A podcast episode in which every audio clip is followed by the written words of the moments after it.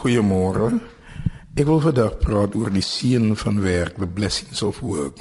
Ek lees uit Kolossense 3 vers 22: Diensknegte, julle moet julle Here na die vlees en alles gehoorsaam wees, nie met oordiens soos mense beaars nie. Kolossense 4 vers 1 sê betoon reg en billikheid aan julle diensknegte omdat julle ook 'n Here in die hemel het. Daar is 'n frase wat ek net weer vanoggend wil in ons gesprek inbring en dit is balans. En in hierdie verband is dit die perfekte balans tussen werkgewer en werknemer belange. Mens kan nie met meer wil verdien en minder doen nie.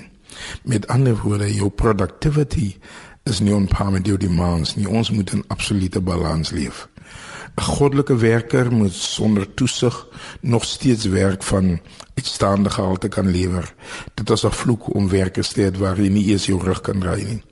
Ek het al gesien hoe mense so fokus op tea en lunchtime, hulle heelal wentel as 'n ware daagliks rondom breeks. Maar hulle het nie dieselfde fokus op hulle werk nie. Dit is byna soos van die kinders in ons gemeenskap wat skool toe gaan om huis toe te kom. Dit is al wat hulle aan kan dink.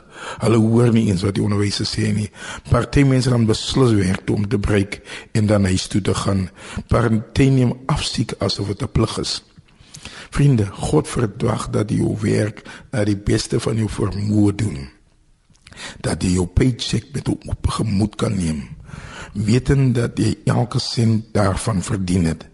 Baie mense lieg selfs as hulle skel by die huis, die vir die kinders te sê ek werk hard vir hierdie geld, maar in werklikheid by die werk is dit anders. Hulle breek tea en lunch in die kaart vir die geld.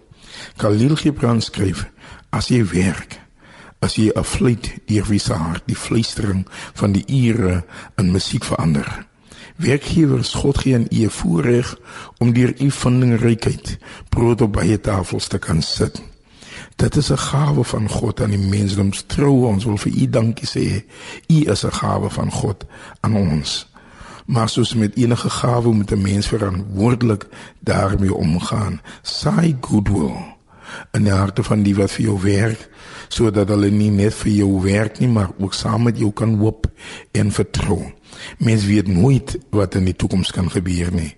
Jy kan nie almal se pel wees nie, maar almal kan weet dat jy 'n persoon van absolute integriteit aan alles is. Julle moet julle Heer na die vlees en alles gehoorsaam wees, kom ons bid. Here ons dankie dat U ons in hierdie land die wysheid gee dat ons die perfekte balans kan vind tussen werkgewer en werknemer belange.